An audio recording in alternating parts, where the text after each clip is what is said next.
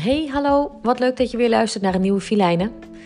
Een paar jaar geleden ehm, stapte schrijver, dichter en essayist Joost Zwagerman uit zijn leven. Dat maakte diepe indruk en daarom schreef ik hem een brief. Dag, lieve Joost. Weg ben je. Gewoon, vertrokken. Zelf de deur door, zelf naar buiten. Niemand met je mee, alleen.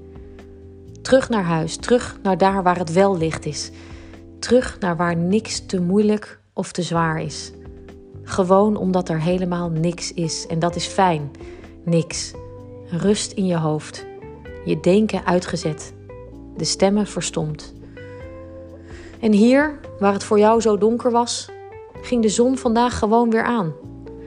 Begon de dag gewoon te leven en draaide de wereld keurig verder. Mensen haten elkaar, mensen lieven elkaar. Er wordt er een geboren en er gaat er een dood. Jij ging niet dood. Jij stopte slechts met leven. Omdat jij dat wilde. Stoppen met leven. Want leven was voor jou onbegrijpelijk. Als je te goed snapt dat er zo vreselijk weinig te snappen valt, dan kan dat zomaar een eigen leven gaan leiden. Naast dat van jou. En terwijl jouw lichaam zich probeerde te bewijzen in jouw leven, nam je hoofd de benen met het zwart.